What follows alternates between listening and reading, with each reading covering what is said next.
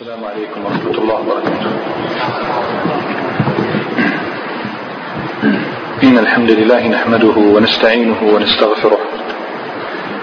ونعوذ بالله من شرور أنفسنا ومن سيئات أعمالنا. من يهد الله فلا مضل له ومن يضلل فلا هادي له. أشهد أن لا إله إلا الله وحده لا شريك له. وأشهد أن محمدا عبده ورسوله. صلى الله عليه وعلى آله وصحبه وسلم تسليما كثيرا. أما بعد فنواصل معكم إن شاء الله تعالى ذكر بعض الأحداث أو في ذكر بعض الأحداث التي جرت في السنة الأولى من الهجرة النبوية على صاحبها أفضل الصلاة وأتم السلام. كنا قد رأينا في المجلس الأخير وتوقفنا عند موقف اليهود والمشركين أو موقف المسلمين من اليهود والمشركين المخالفين. فسبق أن رأينا موقف هؤلاء اليهود والمشركين من دعوة رسول الله صلى الله عليه وسلم بالمدينة وأنهم ناصبوه العداء وأنهم كتموا عن الناس خبر السماء ولكننا نتساءل كيف كان المسلمون يواجهون هذا العناد كيف كانوا يواجهون هذا العدوان عليهم في المقال حيث كانوا يكذبونهم. فكيف كانوا يواجهون؟ رأينا أن خير ما يواجه به السفهاء هو العفو والصفح.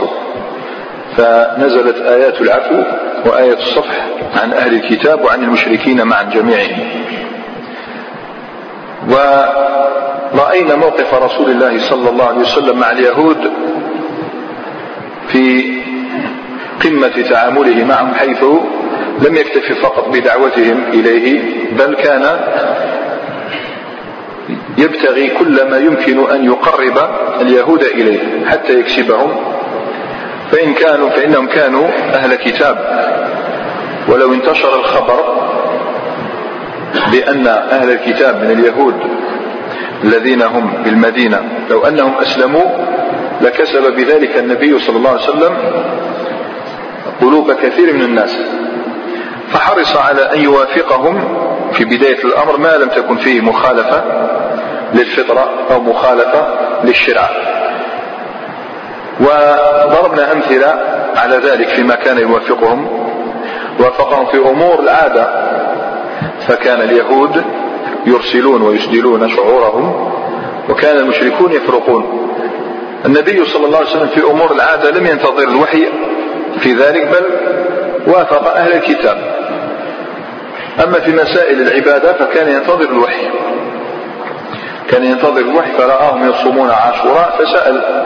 فلما علم أنه من شريعة الله وافقهم في ذلك. قال بل نحن أحق بموسى منهم.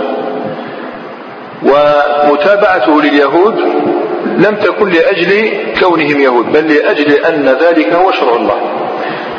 وأردنا أن نستدل على ذلك فأتينا بأمثلة كثيرة في أن النبي صلى الله عليه وسلم كان يعمد ويتعمد مخالفة أهل الكتاب في أمور الدين وفي أمور الفطرة أو في الأمور التي ينبغي أن يتميز فيها المسلم عن اليهود. أمثلة كثيرة. توقفنا عند أمر وحدث كبير وعظيم جدا في حياة المسلمين وهو تشريع الأذان. فلما رأينا النبي صلى الله عليه وسلم كيف خالفهم كيف خالفهم؟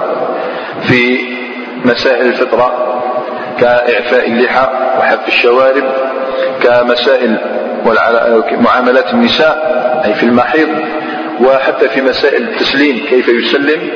خالفوا في تلك الأمور. وقالوا إن هذا الرجل لا يدع شيئا نحن عليه إلا وخالفنا فيه. أي يعني ازدادوا غيظا بمخالفة النبي صلى الله عليه وسلم لهم. أراد النبي صلى الله عليه وسلم أن يضيف إلى حسرتهم حسرة فخالفهم في الأذان.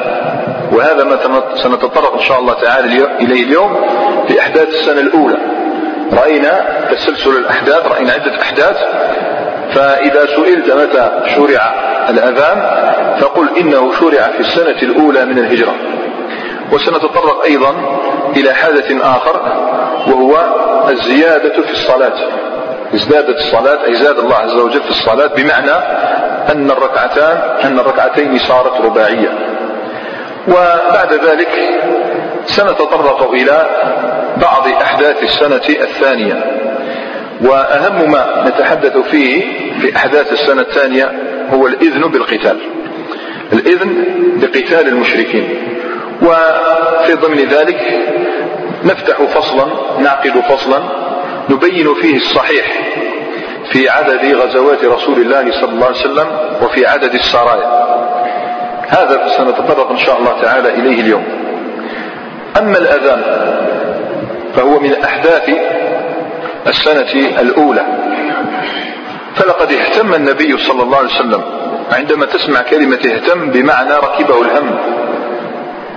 فاهتم رسول الله صلى الله عليه وسلم للصلاة وكيف لا يهتم لها؟ وهي جعلت قرة عينه. فبحث عن كل وسيلة للإعلام بوقتها كيف يمكن أن يعلم الناس بدخول وقت الصلاة التي هي عمود الدين والتي هي الفاصل بين المؤمنين والكافرين. كيف؟ فيروي لنا أبو داود رحمه الله تعالى مجلسا أو حديثا يبين لنا فيه ذلكم النقاش الذي حدث في مجلس كان الأمر شورى. حدث نقاش بين النبي صلى الله عليه وسلم وأصحابه. يقول أبو يروي أبو داود عن أبي عمير بن أنس عن عمومة له من الأنصار أي حدثه أعمامه. قال اهتم النبي صلى الله عليه وسلم للصلاة كيف يجمع الناس لها؟ فقيل له انصب راية في بيت عال انصب راية أي ضع علما يراه الناس من بعيد على المسجد. أو على بيت من البيوت المهم ضع راية فإذا رأوها آذن بعضهم بعضا. يعني فإذا رأى الناس الراية علم علموا وقت وهذا يخبر الآخر. فلم يعجبه ذلك صلى الله عليه وسلم. فقيل له ضع لهم القنع. والقنع وفي رواية ضع لهم الشبور كشبور اليهود والشبور هو البوق الذي ينفخ فيه. وهذا شعار اليهود لإعلامهم بوقت صلاة من صلواتهم. كانوا ينفخون في بوق. قال فذكر له القنع يعني الشبور والشبور قلنا هو البوق فلم يعجبه ذلك صلى الله عليه وسلم. لاحظ كيف يحاول أن يخالفهم في أمور العبادة. وقال هو من أمر اليهود. لاحظ كيف نرى أنه صلى الله عليه وسلم كان يتعمد مخالفتهم في أمور الدين. قال هو من أمر اليهود فذكر له الناقوس. والناقوس معروف هذا الجارس المعروف. فقال هو من أمر النصارى. هذا من شأن النصارى. طبعا لم ينزل وحي في هذا الشأن. في هذه اللحظة لم ينزل وحي. وامتلكتهم الحيرة. وفي الحقيقة كان الحل عند رجل واحد ملهم محدث. من هو؟ عمر بن الخطاب.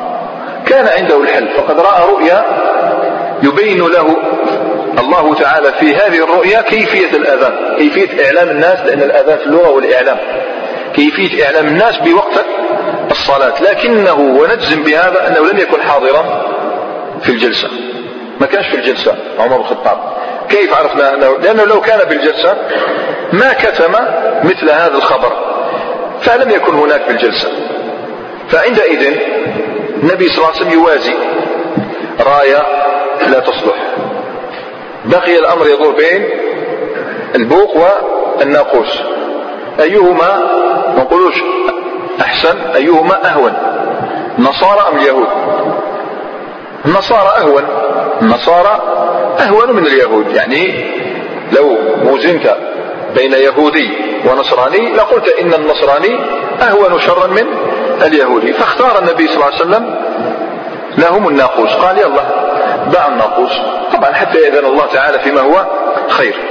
في تلك الليلة نشوف هل ضربوا بالناقوس أو لم يضربوا بالناقوس؟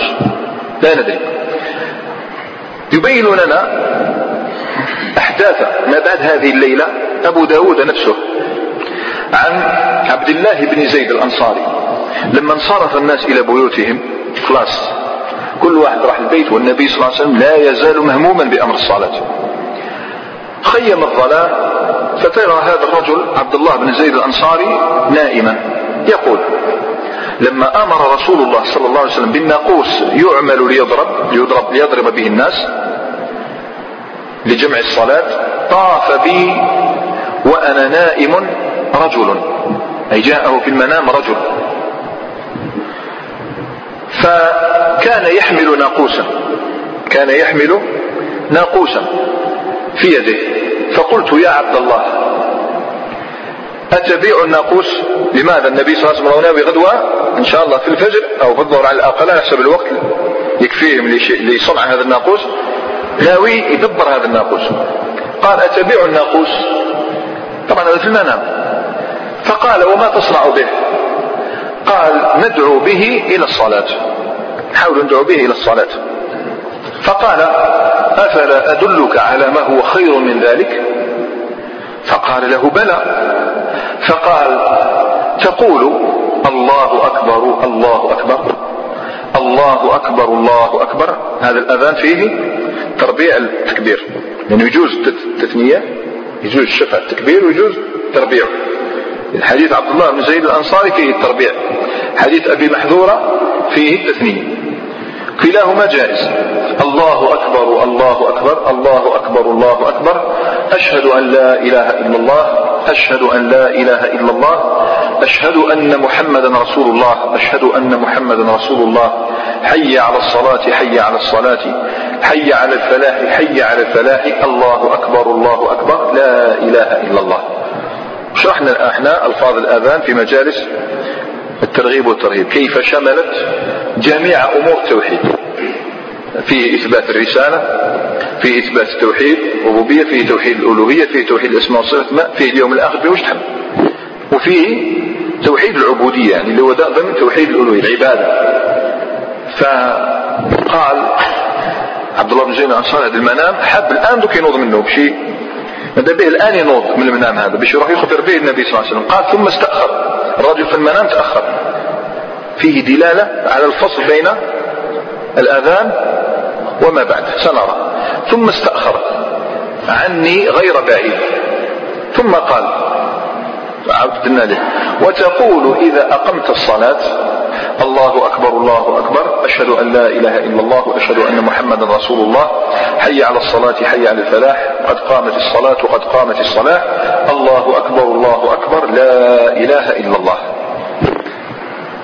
فلما أصبحت أتيت رسول الله صلى الله عليه وسلم فأخبرته بما رأيت.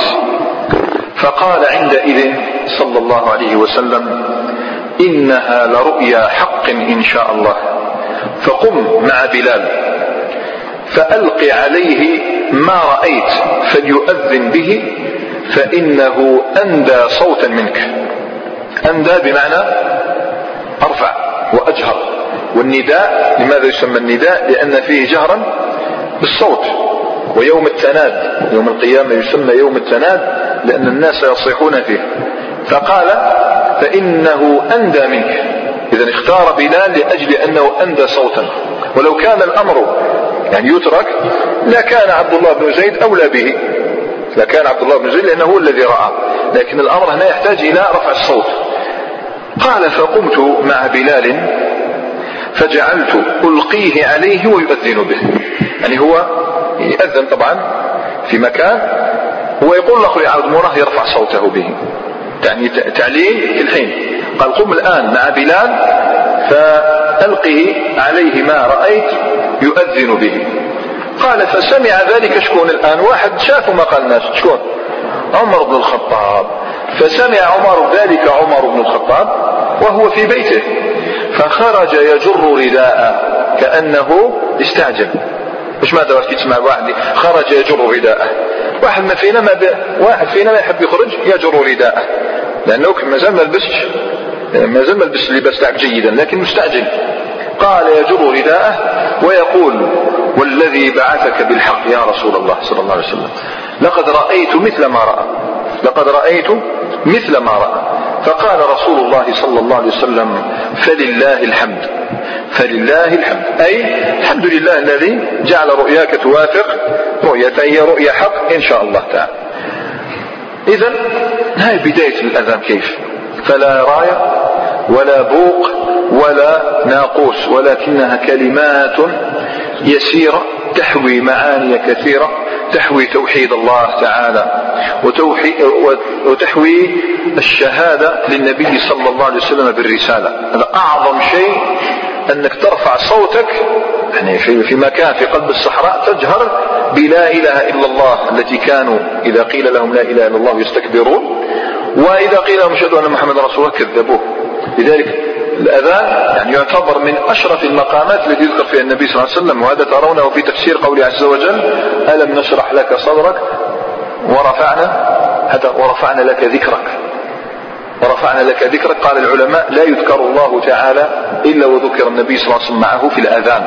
لاحظ تسمع لا إله إلا الله محمد رسول الله صلى الله عليه وسلم. وكانت الفرحة عارمة بالمدينة فقد ازدادوا فرحة وازدادوا تمييزا. هذا أهم شيء.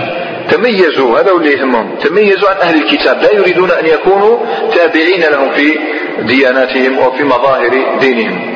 وكانت الفرحة أعظم عند من؟ لا شك. شو هو اللي قائد هذا كانت الفرحة أعظم عند عبد الله بن زيد الأنصاري وعند عمر بن الخطاب. زيد وعند بلال بن رباح. بلال بن رباح أول مؤذن في الإسلام. تبانا. أول واحد راح يتصف يوم القيامة بأطول الناس أعناقا يوم القيامة.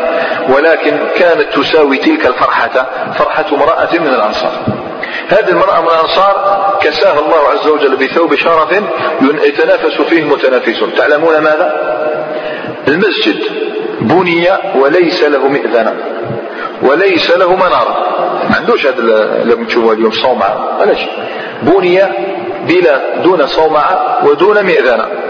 فالأمر يحتاج إلى أن يظهر فيه المؤذن ثم كلما ارتفع كلما على صوته وبلغ. فهنا وقع الاختيار على امرأة من الأنصار أن يكون بيتها أن يكون سقف بيتها هو الذي يرقى عليه بلال بن رباح ليؤذن عليه. روى ابن إسحاق في سيرته عن عروة بن الزبير وقلنا دائما عروة بن الزبير مراسيله صحيحة. عروة بن الزبير يقول عن امرأة من بني النجار قالت كان بيتي من أطول بيت في حول المسجد. حول المسجد أطول بيت هي. فكان بلال يؤذن عليه الفجر. كل غداة فيأتي بسحر فيجلس على البيت ينتظر الفجر. فيجلس على سقف البيت ينتظر الفجر يرقب طبعا احتياط لأن علاش هذا الأمر النبي صلى الله عليه وسلم سمى المؤذن ماذا؟ مؤتمن. المؤذن مؤتمن. لو يخطئ فيؤذن قبل الوقت لكانت الصلاة باطلة لو يؤذن قبل الوقت أو بعد الوقت وصار الناس بقي الناس يأكلون مثلا في رمضان لأفسدوا صومهم. المهم لابد أن يحتاط. لأنه سيتحمل الإثم هو. فكان يأتي بسحر في وقت السحر فيجلس على البيت ينتظر الفجر فإذا رآه رأى الفجر تمطى. فإذا رآه تمطى ثم قال يقول بلال اللهم إني أحمدك وأستعينك اللهم إني أحمدك وأستعينك على قريش أن يقيموا على دينك. كان يدعو لقريش يعني أحمدك وأستعينك على قريش باش يدخلوا للدين. يعني كان يدعو لقريش أن تدخل دين الله تعالى. قالت المرأة والله ما علمته كان يتركها ليلة واحدة. تقصد تلك الكلمات ما كان يتركها ليلة واحدة. وإذا في ذلك الفجر الأول صحت المدينة على صوت ندي على صوت ينادي بالتكبير على صوت ينادي بالشهادة للنبي صلى الله عليه وسلم بالرسالة. وحي على الصلاة حي على الفلاح.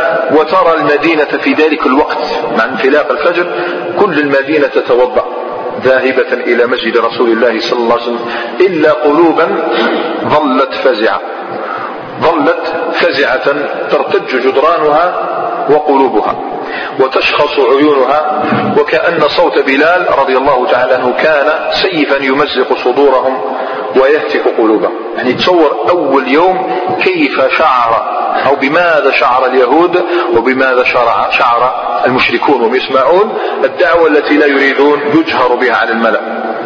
ولا شك أن هذا نصر عظيم. هذا نصر عظيم من الله تعالى وفتح مبين. يعني إنسان بين عشية وضحاها وتعرف أن العالم كله كل العالم بدون استثناء دون استثناء. الكرة الأرضية كلها ضد بلدة صغيرة اسمها مدينة. العالم كله ضد هذه البلدة. ومن هذه البلدة هذه في قلب الصحراء يخرج يعني لو كان شيء ملموس وقت يخرج من مسجد النبي صلى الله عليه وسلم. صورة هتاف بتوحيد الله تعالى وبالشهادة للنبي صلى الله, عليه وسلم بالرسالة. فهذا فتح عظيم يعني ما كانوا يصدقونه وما كانوا يصدقون أنه الذين وما كانوا يصدقون أنهم سيأتي يوم يرون بأعينهم ويسمعون بآذانهم مثل هذا الأمر. يرون مسجدا واحد يعبد فيه الله عز وجل. كانوا يتمنون هذا وهم يقرؤون قول الله تعالى وأن المساجد مساجد لله فلا تدعو مع الله أحد. صورت في بيئة ما حتى مسجد يدعى فيه الله. كانوا يتمنون أن يكون مسجد واحد يدعى فيه الله تبارك وتعالى. وكانوا طالما يسمع يسمعون الآن هذا الصوت عن الأذان طالما كانوا يتمنون أن يقرأ أحدهم القرآن يسمع صاحبه. كانوا يقرؤون القرآن متخفين يكتمون إسلامهم الآن صاروا يجهرون بهذه الكلمات فاليوم لن يمنعهم أحد من ذلك. ليس هناك أبو جهل ولا أبو لهب ولا أمية ولا أبو السين ولا غير ولا غير ذلك. فهذه نعمة ينبغي أن يشكر المسلمون عليها ربهم. فشرع لهم الزيادة في الصلاة.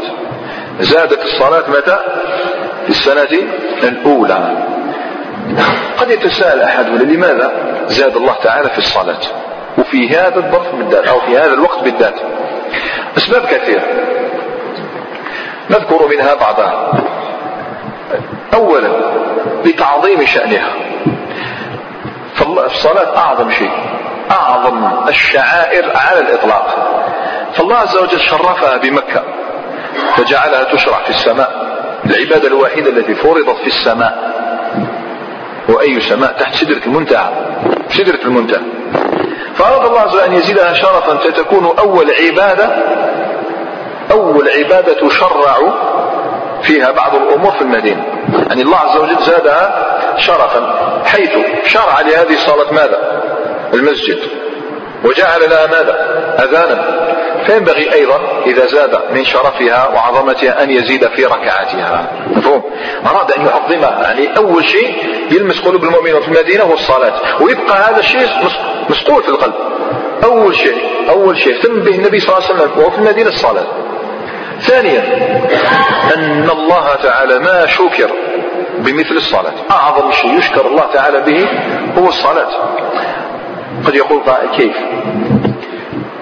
سمى الله تعالى إذا رزقك الله عز وجل بنعمة أفتح عليك فتحا ماذا تفعل؟ ماذا تفعل؟ تروح تصدق؟ لا هذا براسك حتصدق تصوم براسك تشكر لكن إحنا الآن شو شرعه الله على الابتداء وشنو؟ سجدة الشكر سجدة الشكر إذا أراد الله عز وجل مقابل كل نعمة أن تأتي بجزء من الصلاة تبانا. لذلك ما شكر الله تعالى بمثل الصلاة. فلذلك شرع سجود الشكر لأنه جزء من الصلاة. ثالثا لابد من امتحان المؤمنين. من خان حي على الصلاة حي على الفلاح خان حي على الكفاح. لا. ليه يخون حي على الفلاح؟ ما يصليش. يخون حي على الكفاح. فأراد الله أن يبتلي صدور المؤمنين. فكيف سيخاطبهم بالصدقة فرض الصدقة. ما زال جاي العام الثاني؟ كيف سيفرض عليهم الصوم في العام الثاني؟ كيف سيفرض عليهم القتال في العام الثاني؟ هذه أشياء جاية في أحداث السنة الثانية وهم يمتنعون أن تتمرر وجوههم في الأرض.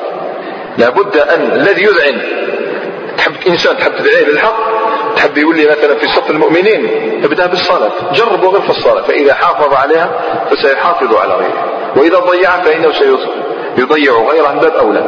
روى الإمام مالك عن عمر بن الخطاب. ماذا قال؟ كتب إلى عماله. يقول لك العمال بمعنى الولاة.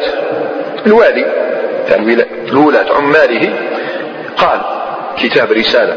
إن أهم أمري إن أهم أمركم عندي. ما قالش الغلة. قالش قال الغلة. إن أهم أمركم عندي الصلاة. فمن حفظها وحافظ عليها حفظ دينه ومن ضيعها فهو لما سواها أضيع هذا الأثر روى الإمام مالك في موطئه بسند صحيح رابعا أن الصلاة أعظم وسائل الثبات كيف؟ وعلاش في هذه السنة بالذات؟ يا أخوانا تعرفوا أن الله تعالى آه، قال ما كان الله ليذر المؤمنين على ما أنتم عليه حتى يميز الخبيث من الطيب وكان جا الدين تاعنا يعني كنت تلتزم بالدين يغدق عليك بالخير تفتح عليك الأبواب الناس كاع تلتزم بالدين. علاش؟ ما شاء الله. حياة هايلة إيه ما شاء الله يعني حياة هايلة فيش مشاكل؟ لا ولا لا؟ آه لازم يكونوا مشاكل. باش يشوفوا اللي يثبتوا اللي ما يثبتوش. ما كان الله ليذر المؤمنين على ما أنتم عليه. حتى يميز الخبيث من الطيب. لا بد من محنة. لا بد من فتنة تفتن لا بد تصفى. كذلك الله عز وجل أحسب الناس أن يتركوا أن يقولوا آمنا وهم لا يفتنون؟ ما كما نقولوا إحنا اليوم باصطلاح الناس اللي من بلفي يعني. عيش ما شاء الله حياة هايلة لا لابد أن يفتن. راح تبدأ الفتن بعد أيام. بعد الآذان راح تبدأ الفتن. فبماذا سيصبرون؟ بماذا سيصبرون؟ أعظم وسيلة الثبات. الصلاة قال الله تعالى واستعينوا. يا أيها الذين آمنوا استعينوا بالصبر والصلاة إن الله مع الصابرين. وقال وقال الله إني معكم لئن أقمتم الصلاة. وروى أبو داود عن حذيفة بن اليمان رضي الله تعالى عنه قال كان رسول الله صلى الله عليه وسلم إذا حزبه أي اشتد عليه وأهمه إذا حزبه أمر صلى. غير يغتم شوية يهتم شوية يروح يصلي. ولا شك أن المدينة ستحزبها أمور وأمور كثيرة. زيد كل ذي نعمة محسود. نعمة عظيمة أنهم داروا مجتمع طيب ساد فيه الأمن والسلام. كل ذي نعمة محسود كما قال النبي صلى الله عليه وسلم واليهود واليهود على قمة الحاسدين. فالقاعدة المقررة قاعدة مقررة الابتلاء مع التمكين مع مع التمكين. مش معناتها كي يمكنك ما كانش ابتلاء. الابتلاء مع التمكين معه يعني هو له سابق ومرافق ولاحق مع تشوف التمكين والابتلاء سيان لازم أول واحد أشار إلى هذا من قديم الزمان الراهب الذي أصحاب الأخدود. الراهب الذي علم الغلام ما علمه. ها؟ ماذا قال له عندما صار يبرئ الأكمه والأبرص؟ تبانا ويشفي الله تعالى على يديه من شاء. ماذا قال له الحديث؟ معروف في صحيح آه، مسلم. قال أي بني أنت اليوم أفضل مني. قد بلغ بك ما أرى. قد بلغ من أمرك ما أرى. خلاص. قال وإنك ستبتلى. خلاص بلغ الأمر بك إلى ما أرى. وإنك ستبتلى فإن ابتليت فلا تدل عليه. شوف يعني هذا الشيخ ما أعلمه يعني عالم. عرف. مكنت فستبتلى كاش يعني تمكين بلا ابتلاء؟ لابد من ابتلاء. الصحابة مكنوا ولا لا؟ مكنوا صاروا يجهرون بالأذان. فلا شك أن البلاء أن أنهم على موعد مع البلاء. والدليل على أن الصلاة قصرت أو قصرت عندما جاء النبي صلى الله عليه وسلم إلى المدينة وليس أتم الله عز وجل مش قصرت دليل على أن الصلاة تمت صارت رباعية ثنائية صارت رباعية. دليل على هذا من أين؟ علاش ما تدخلش في مكة. فهم؟ عندك دليل؟ طب نذكر الدليل ولماذا؟ الصبح بقيت ركعتين. والمغرب؟ علاش قعدت ثلاث ركعات تجيبك عن هذا السيدة عائشة رضي الله عنها. بس شوف هذه مسألة العلل اكتشاف الحكمة. معروف لدى الصحابة رضوان الله عليهم. روى الإمام أحمد واللفظ له والبخاري ومسلم. هذا الحديث في الصحيحين. لكن هذا اللفظ الذي اخترناه هو لفظ الإمام أحمد. انتبه ماذا يقول. عن عائشة رضي الله تعالى عنها قالت قد فرضت الصلاة ركعتين ركعتين بمكة. ركعتين ركعتين بمكة. فلما قدم رسول الله صلى الله عليه وسلم المدينة لما قدم المدينة زاد مع كل ركعتين ركعتين. مع كل ركعتين ركعتين. مع كل ركعتين. قالت إلا المغرب سبب فإنها وتر النهار. أو سبب. تعرفوا أن الله عز وجل وتر يحبه الوتر. ليلك تختمه بماذا بوتر صلاة الوتر. ونهارك خلاص دوك صلينا ختمناه باش بوتر. والله وتر يحب الوتر. والصبح قالت إلا المغرب فإنها وتر النهار وصلاة الفجر لطول قراءتها. فهم صلاة الفجر شو؟ أو أحسن شيء يميز صلاة الفجر. طول القراءة. حتى الله تبارك وتعالى سمى صلاة الفجر قرآن. أقم الصلاة لدلوك الشمس إلى غسق الليل وقرآن الفجر. إن قرآن الفجر كان مشهودا. قال عبر العلماء قال عبر القرآن بلفظ القرآن إشارة إلى أن الأفضل أن تطيل القراءة فطول القراءة يغني عن طول الصلاة. أما كان لها تزيد ركعتين الحكمة. هذا هو علم السيدة عائشة إذا فلا بد من زيادة للصلاة. حتى تثبت القلوب حتى يعظم الشكر. هم لابد يعني هؤلاء كانوا يرون الصلاة أعظم شيء لديهم وكانوا إذا دخلوا في صلاة ما رجوا أن يخرجوا منها. فأراد الله عز وجل أن يكرمهم بهذا يعني حتى زيادة الصلاة نعمة تستحق الشكر. يعني هو الآذان نعمة والجهر بالدعوة نعمة.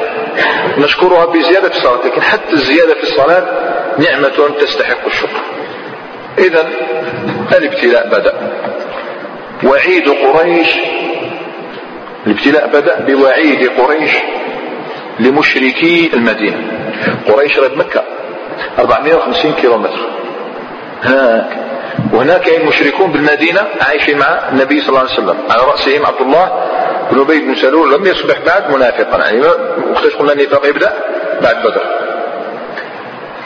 الآن ولاحظوا يعني يقارنوا الأحداث قديما بأحداث اليوم. دائما كاين ضغوطات من الخارج.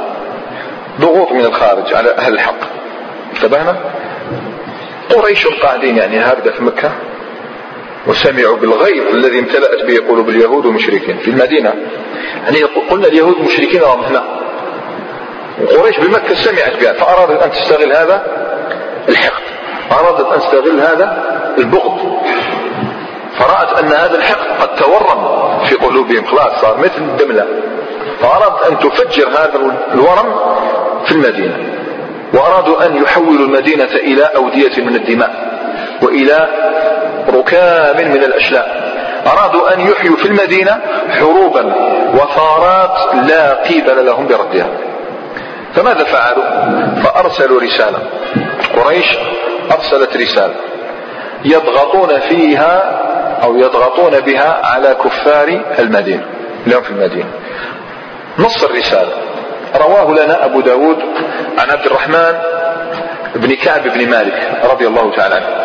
عن رجل من أصحاب النبي صلى الله عليه وسلم أن كفار قريش كتبوا إلى.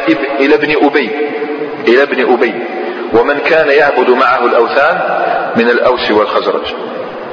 ورسول الله صلى الله عليه وسلم يومئذ بالمدينة قبل وقعة بدر. ماذا يقولون في الرسالة؟ إنكم آويتم صاحبنا وإننا نقسم بالله لتقاتلنه أو لتخرجنه أو لنسيرن إليكم بأجمعنا حتى نقتل مقاتلتكم ونستبيح نساءكم. وما يعرفوا يعني كلمة تعرف بكلمش كما هذا يقول يدير فهم فلا شك أنه ضغط. ماذا كان الجواب؟ ماذا كان الجواب؟ فلما بلغ ذلك عبد الله بن أبي ومن كان معه. من عبدة الأوثان اجتمعوا لقتال النبي صلى الله عليه وسلم. جاءوا له يعني حاملين السيوف. وجاءوا جايين هكذا يقاتلوا النبي صلى الله عليه وسلم. خلاص يعني الضغط تاع قريش. فهم. ضغط من النار راحوا ضربوا بلادهم. فهم. فلما بلغ ذلك النبي صلى الله عليه وسلم بلغه هذا الأمر يوم جايين يقاتلوه. لقيهم ما جاتش يعني هليكوبتر حملته وهرب لا. قعد لقيهم وخرج إليهم. وسمعوا ماذا قال النبي صلى الله عليه وسلم. تروا الحكمة. حكمة الخطاب. كلمات يسيرة كيف أطفت أطفأت نارا. كادت أن تضرب. فقال لهم لقد بلغ وعيد قريش منكم المبالغ أن يشوف. طبعا ما قالش أن يشوف لقد بلغ وعيد قريش منكم المبالغ. أي بلغ منكم مبلغة. ما كانت تكيدكم بأكثر مما تريدون أن تكيدوا به أنفسكم؟ يعني قريش ما شرح ضركم أكثر من أكثر من تمدروا أنفسكم. تريدون أن تقاتلوا أبناءكم وإخوانكم؟ تعرفوا شو يقول لهم هنا النبي صلى الله عليه وسلم؟ كأنه إحنا نفسر كلامه بلغتنا. كان يقول لهم يعني إذا حبيتوا يعني تعرفوا إذا في هذا الأمر مصلحة ولا مفسدة راهي خطوات قليلة. أنتم راكم بعد على مقابر تاع تكلمنا عن مقعد بعاث ولا لا؟ تكلمنا عنها ولا لا؟ بعاث تكلمنا عنها ولا لا؟ تكلمنا مذكرين. وماتوا بزاف. ماتوا منهم الألوف. فقال من أراد منكم اللي يحب يتخذ قرار لا يرجع تأتي يروح روحوا مقبرة بعاث وشوفوا حتى يذهب النسيان إن خالط علوقكم يعني اللي يحب يتذكر غير واش فات شو هذه الكلمة شحال هاي تذكروا تمتم يعني جلست عليهم صور. هذيك اللحظة جلست عليهم صور هكذا يشوفوا. هذا يشوف خوه مقتول هذا يشوف إما ماتت هذا يشوف داره خربت هذا يشوف مئات ودماء. تعبك كيف تمر بك؟ هذيك الأطياف. فلما سمعوا ذلك من النبي صلى الله عليه وسلم تفرقوا. تفرقوا. فبلغ ذلك كفار قريش. فكتبت كفار قريش بعد وقعة بدر إلى اليهود إنكم أهل الحلقة سلاح والحصون وإنكم لتقاتلن صاحبنا أو لنفعلن كذا وكذا. ولا يحول بيننا وبين خدم نسائكم شيء. يعني الخدم هي الخلائق خلاخ لاحظ داروا على اليهود مشكلة تاع قريش؟ شافوا باللي مشركون تاع المدينة ما كلاتش معاهم؟ أرسلوا اليهود. عرفوهم باللي؟ أجبن الناس. اليهود سيستجيبون ولا لا؟ سيستجيبون. فبعد أيام بعد سنوات سيستجيبون إلى هذا. المهم الآن ما يقدروش. وتأمل قوله فلما سمعوا مقالته تفرقوا. كلمات يسيرة جدا. كلمات ما تكلمش النبي صلى الله عليه وسلم ما خطبة ولا دار جريدة. كلمات يسيرة تفرقوا. يتعرف الحكمة حكمة في مخاطبة الناس خاطبهم بما يمكن أن تثير فيهم العاطفة التي تحملهم على الانصياع أو على الاندفاع. واحدة مثل خاطب لهم العاطفة ذكرهم بأشياء مهمة. فهؤلاء عندما قالوا هذا خلاص. فكانت هذه الكلمات يسيرة مثل الماء مثل الشلال هكذا. يعني ينزل على النار فيطفئها طبعا ازداد غيظ المشركين بمكة وازداد غيظ اليهود. لا شك أن اليهود في تلك اللحظة كانوا يترقبون من وراء شقوق الأبواب. كانوا يشوفوا شو صاير. كانوا ينظرون واش راح يديروا النبي صلى الله عليه وسلم كما يقتلوه ولا لا. فازدادوا غيظا على غيظهم. وأشرقت شمس النهار من جديد. ورد الله الذين كفروا بغيظهم لم ينالوا خيرا. وكفى الله المؤمنين القتال. وكان الله قويا عزيزا. يمكن واحد الناس منهم صح اقتنعوا في هذيك اللحظة. صح يرجعوا البيت تذهب. لا لا يمكن. يعاود يجيه الشيطان. فهذا النهار صح جديد لكنه أتى بتعليمات جديدة. تعليمات جديدة لا بد للنبي صلى الله عليه وسلم والمدينة بين مخالب الخطر أن يحتاط لنفسه. يجوز؟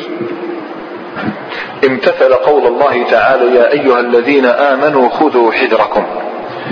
لازم يأخذ حذرة النبي صلى الله عليه وسلم. في ذات ليلة أحد الليلة وهو نائم إلى جنب عائشة رضي الله تعالى عنها. نايم هنا هو نايم هنا.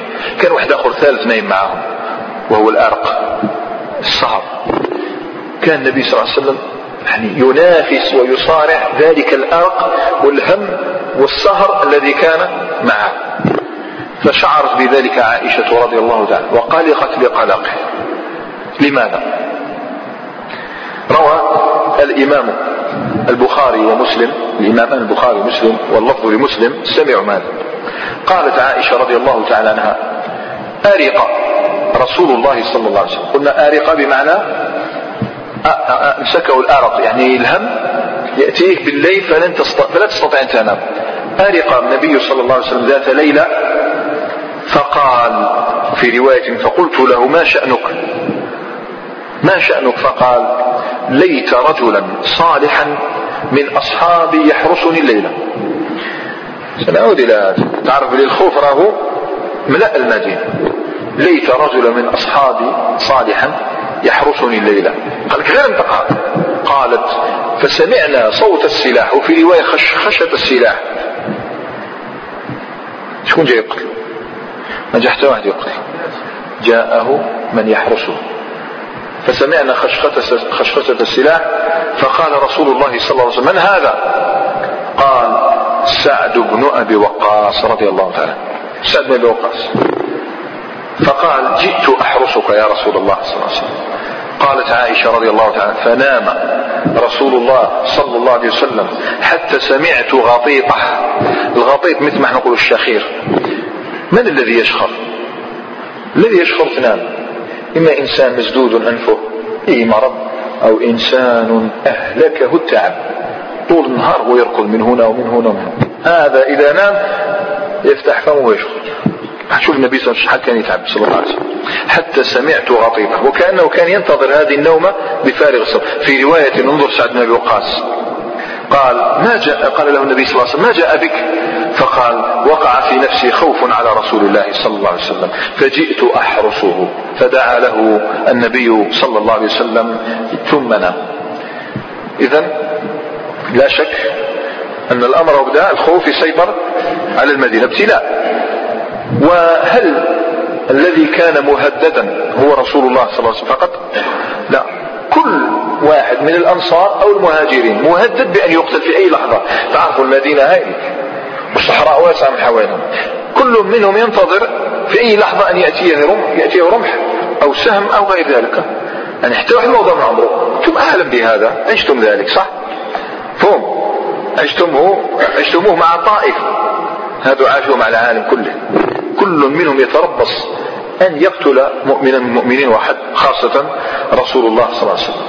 بماذا أمر الله تعالى نبيه صلى الله عليه وسلم؟ خذوا حذركم ولقد كان لكم في رسول الله أسوة حسنة. فكان لهم في رسول الله أسوة حسنة فحمل الجميع سلاحهم. كانوا يمشون في النهر بالسلاح ويبيتون بأسلحتهم فصارت المدينة سلاحا صباح مساء. وأدل على ذلك ما رواه الحاكم ومن طريقه الإمام البيهقي والطبراني. اكتب البشرى. تعرفوا دائما يكون التمكين مع الابتلاء التمكين ابتلاء تمكين. بعد ابتلاء تمكين حتى تلقى الله. جاء هذا الابتلاء. يروي لنا قلنا هذا الحديث الحاكم البيهقي والطبراني. في الأوسط طبعا. عن أبي بن كعب قال لما قدم رسول الله صلى الله عليه وسلم وأصحابه المدينة وآوتهم الأنصار رمتهم العرب عن قوس واحدة. هذا تعبير بمعنى اتحاد في عداوتهم رمتهم العرب عن قوس واحد. فكانوا لا يبيتون إلا بالسلاح. لا يبيتون إلا بالسلاح ولا يصبحون إلا فيه. فقالوا كانت تمر عليهم أيام وأيام وأيام. ماذا كان يقول واحد فقالوا ترون أننا نعيش حتى نبيت مطمئنين. لا نخاف إلا الله عز وجل. أي هل سيأتي ذلك اليوم الذي نبيت فيه مطمئنين؟ لا نخاف إلا من الله عز وجل. كانوا يشتاقون إلى ساعة أيام يحملون سلاح كل وقت. فهذا سؤال من طرحه؟ ليس أنا ولا أنت. بل سؤال يطرحه أشجع الشجعان. متى ينتهي عنا هذا الأمر؟ فهذا الشيء نظن بل يصور أن مدى الخوف الذي سيطر على المدينة من جميع جهاتها. فالكفار جميعهم بخيلهم ورجلهم بأوثانهم وأصنامهم برماحهم وسيوفهم ونبالهم وغير ذلك كلهم متجهون متجهة قلوبهم نحو المدينة. إذا هذا الخوف مر أيام مر أيام الصحابة صابرون وجاء الجواب. ذلك سؤال شتو؟ وجاء الجواب منه من السماء. من الوحي ليبشر الله تعالى به عباده الصادقين ويثلج به صدور المتقين. جواب حول كل شيء. تحول كل شيء. يكمل أبين الحديث. ماذا يقول؟ فنزلت وعد الله الذين آمنوا منكم وعملوا الصالحات ليستخلفنهم في الأرض. مش من أرض؟ هي هكذا من أرض. ليستخلفنهم في الأرض كما استخلف الذين من قبلهم. وليمكنن لهم دينهم الذي ارتضى لهم. هذه وحده وليبدلنهم من بعد خوفهم أمنا. عرفت هذا الآية هذه؟ خوف. أنا صورت لك ذلك الخوف. هذا الخوف يتغير يصير أمن. وليبدلنهم من بعد خوفهم أمنا. يعبدونني لا يشركون بي شيئا. ومن كفر بعد ذلك أي بعد تلك النعمة فأولئك هم الفاسقون. فتلقى المؤمنون وأخذوا هذه الآيات أخذ السلاح. خلاص تسلحوا بهذه البشرى. إذ هي وعد صادق من الواحد القهار سبحانه وتعالى. وعد. والله لا يخلف الميعاد. ولكنهم مش كما إحنا ما حابلوا البشرى عارية عن شروطها. ما ادوش غير البشرى هذا. والله ما شاء الله البشرى بعد ما كانوا لا. وضعوا كل همهم في تلك الشروط. التي اشترطها الله. اولا وعد الله الذين آمنوا منكم. زيد وعملوا الصالحات. عملوا الصالحات. مش السيئات. زيد في الأخير شفتم يعبدونني لا يشركون بي شيئا. فكان همهم منصرفا إلى الشروط ما تعلقوا بالوعد إنما تعلقوا بالشرط. لأنهم عم متيقنين بأن الله تبارك وتعالى لن يخلف وعده. فتحول خوفهم أمنا وضعفهم قوة. وعملوا الصالحات صدقا وهنا يظهر لنا يعني هذا الأمن هذا وهذه القوة هذه تظهر لنا من أحداث السنة الثانية. من الآن إن شاء الله تعالى دخلنا السنة الثانية. وفيها الإذن بالقتال وإذا آه، كان الوقت متسعا نتحدث عن مسألة وهي كم عدد غزوات رسول الله صلى الله عليه وسلم. ما هو الصحيح؟ وكم عدد السرايا هذا سنتطرق إليه في فصل. المهم أبو بكر متذكرين اللي كانوا خارجين من من مكة؟ شافي مع اللي كانت كفار قريش ثائرة الأنفاس مغبرة الرأس؟ في جبل غار ثور يبحثوا عن النبي صلى الله عليه وسلم. عندئذ أبو بكر توقع أمرا الآن بدأت تباشيره تتحقق فذيك الطريق هذاك النهار يوم مرير مر عليهم توقع أبو بكر أمرا. فالآن جاء الإذن فيه. هذا الحديث رويه لنا الإمام أحمد والترمذي والنسائي والطبري في تاريخه وفي تفسيره أيضا عن ابن عباس. انتبهوا ماذا؟ قال لما أخرج النبي صلى الله عليه وسلم من مكة قال قال أبو بكر خرجوا من مكة. مش قال أبو بكر؟ أخرجوا نبيهم. شو واحد يخرج النبي أخرجوا نبيهم. إنا لله وإنا إليه راجعون. لا يهلكن لا يهلكن ما هي يموت قال أبو بكر فنزلت أذن للذين يقاتلون بأنهم ظلموا. وإن الله على نصرهم لقدير. هذه اللحظات هو جاي نزلت هذه الآية. قال أبو بكر فعرفت أنه سيكون قتال. فعرفت أنه سيكون قتال. أي بعد أيام راح الحالة تبدأ بقتال. قال ابن عباس فهي أول آية نزلت في القتال. أول آية نزلت هذا الأثر رواه الإمام أحمد والترمذي والنسائي طبعا. قلت لكم لما تصيبوا قال الترمذي النسائي أبو داود.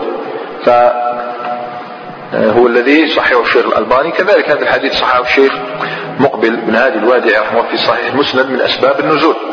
ذكر هذا الأثر وصححه.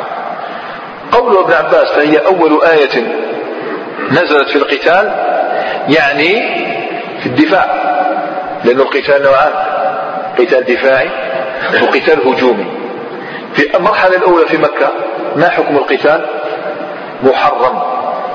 محرم عليهم أن يقاتلوا. ولو رأيته يعذب أخاك. ولو رأيته يعذب أخاك. كاش قتال دفاعي؟ ولا. ولا شيء. انتقل الآن. المجتمع الآن أو جاء المجتمع المسلم نزل بماذا؟ الإذن. الإذن بالدفاع. الإذن بالدفاع أي تقاتل من قاتل. هم وقاتلوا في سبيل الله الذين يقاتلونكم ولا تعتدوا. إن الله لا يحب المعتدين. هذه المرحلة الثانية انتقلت. ما الفرق بين هذيك وهذه. شو يعطينا الفرق؟ شو يعطينا الفرق بين وقاتلوا في سبيل الله الذين يقاتلونكم إذن بالقتال. قتال من؟ قتال من قاتل. وهذه أذن للذين ظلموا آه، يقاتلون بأنهم ظلموا. إذن بماذا؟ هذيك بالدفاع. شو الفرق؟ في الفلسفة؟ واحد جاي قاتلك قاتله. في هذيك اللحظة تحكي له وحدك الآن بلاده؟ أمسك عنه. هذا أول الأمر. هم أول ما جاءوا المدينة يعني دافعوا عن أنفسكم فقط. ستأتي المرحلة. ستأتي المرحلة الثانية. أو الثالثة فإنهم سيقاتلون من؟ من قاتلهم يعني حتى وهو في داره أذهب وأقاتله. إذا مشروعية قتال من؟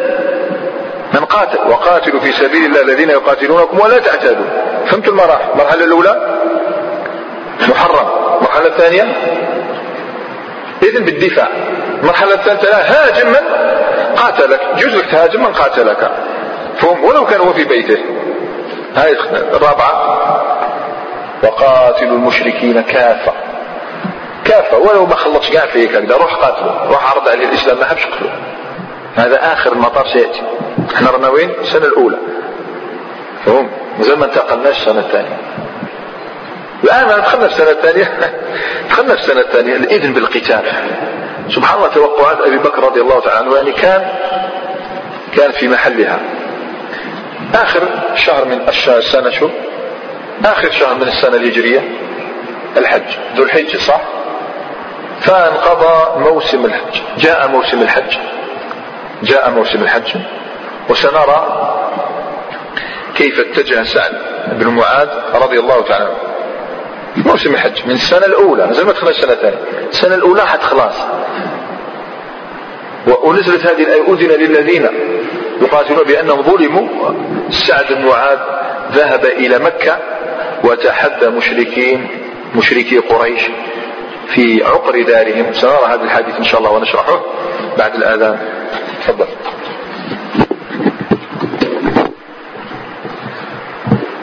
إذا شرحنا قول ابن عباس رضي الله تعالى عنه فهي أول آية نزلت في القتال وفسرنا بأن أن ذلك محمول على القتال الدفاعي حيث اعتدي على المؤمن.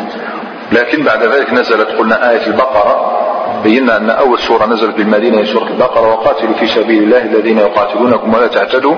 إن الله لا يحب المعتدين. عندئذ حميت قلوب المؤمنين وهي متعطشة للجهاد في سبيل الله تعالى وزال عنهم كل خوف.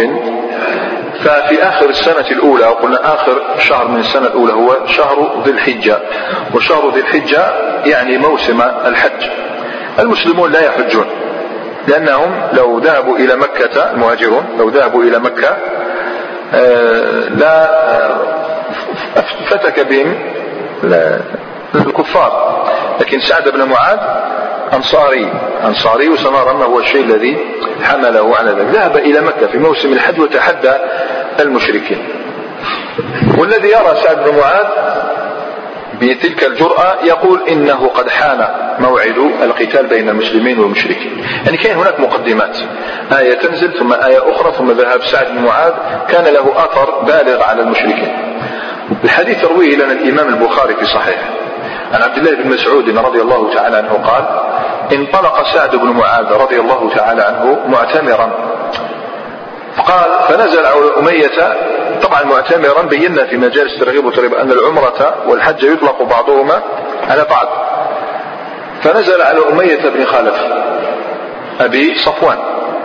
مؤمن بن خلف وأبو صفوان. صفوان سيكون له شأن في آخر حياته سيسلم في يوم حنين سيسلم يعلن إسلامه. صفوان بن أمية. لكن أبوه كافر. فنزل على أمية بن خلف أبي صفوان وكان أمية إن انطلق إلى الشام فمر بالمدينة نزل على سعد. لذلك سعد بن معاذ راح له. فقال أمية لسعد انتظر حتى إذا انتصف النهار وغفل الناس انطلقنا وطفنا. فبينما سعد يطوف فإذا أبو جهل إذا أبو جهل فقال من هذا الذي يطوف بالكعبة؟ تعجب. سعد معاذ يجي من هذا الذي يطوف بالكعبة؟ فقال سعد رضي الله تعالى أنا سعد. قال أنا سعد. يعني وش كان؟ ضرب لي. فهم كان صح. يعني خفنا بزاف عامين بزاف. أنا سعد. وش كان؟ فقال أبو جهل تطوف بالكعبة آمنا وقد آويتم محمدا صلى الله عليه وسلم وأصحابه؟ فقال نعم. شفت جرأة. نعم. فتلاحيا بينهما تلاحى بمعنى تشاجرا هذا زاد في الكلام وذاك زاد في الكلام. فقال أمية بن خالف لسعد لا ترفع صوتك على أبي الحكم. طبعا ما يقولوش على أبي جهل. لا ترفع صوتك على أبي الحكم فإنه سيد أهل الوادي أي سيد مكة أنا مكة واد ثم قال سعد والله لئن منعتني أن أطوف بالبيت لأقطعن متجرك بالشام. يعني تطرقك للشام هي المدينة. تمنع الطريق ما تزيش جزء عن المدينة. فهمت؟ فعندئذ قال له فجعل أمية يقول لا ترفع صوتك يعني تفضحناش لا تفضحنا لا ترفع صوتك. وجعل يمسكه. فغضب سعد. انتبه الآن. فقال ماذا تفكر يعني؟ إيش به هذا أمية؟ إيش به أمية هذا يدخل في روحه؟ فقال سعد بن معاذ دعنا عنك. يعني تغير. دعنا عنك. فإني سمعت محمدا صلى الله عليه وسلم يزعم أنه قاتلك. وكلمة يزعم عند العرب؟ بمعنى يحقق. يزعم بمعنى شو معنى اليوم كلمة زعم؟ زعم. كلمة زعم وش عشرين في المئة لا هي زعم قد تكون في الحق. قد تكون في الحق. إني سمعت النبي صلى الله عليه وسلم يزعم أنه قاتلك. لو كان إحنا مثلا واحد يجي يقول لك أنا سمعت بفلان قال نقول لك إحنا وش نقولوا؟ لا دير والو. صار ولا لا؟ والله العظيم غير خاف. خاف أمي بن خلف. فقال إياي؟ قال له نعم. فقال والله ما يكذب محمد إذا حدث. محمد صلى الله عليه وسلم لا يكذب إذا حدث. فرجع إلى امرأته. فرجع إلى امرأته فقال لها أما تعلمين ما قال لي أخي اليثربي؟ شو كل مرة راح تحمي عليه شو تجي تقولين عنه فقال لها ألا تعلمين ما قال لي أخي اليثربي؟ قالت وما قال؟ هو جاء مش ما تونسه ولا لا؟ المفروض المفروض مرته الآن. تونسه تقول له ما كان والو إن شاء الله. كان والو. فقالت وما قال قال زعم أنه سمع محمدا صلى الله عليه وسلم يقول إنه يزعم إنه قاتل. فقالت والله ما يكذب محمد إذا حدث بات شانس هذه المرأة. ما يكذب محمد إذا حدث فقال لها ماذا؟ فقال لها أمية والله لا أخرج إلى مكة. خلاص. والله والله لا أخرج من من مكة. والله لا أخرج من مكة. تجارة دورها آه، نجارة. دورها أي حاجة المهم لا أخرج من مكة. وسيأتي بيان مصرعه. كيف الله أطال في عمره. والله تتعجب. سنرى في بداية ذكر الغزوات نرى أنه خرج والتقى بالنبي صلى الله عليه وسلم في مع الجيش ثلاث مرات. المرة الأخيرة مات. يعني الله عز وجل يمهله. لعله يتوب لعله يتوب في الأخير لقي مصرعه. المهم نرى كيف تحول أهل المدينة من ضعف وخوف إلى قوة وأمن.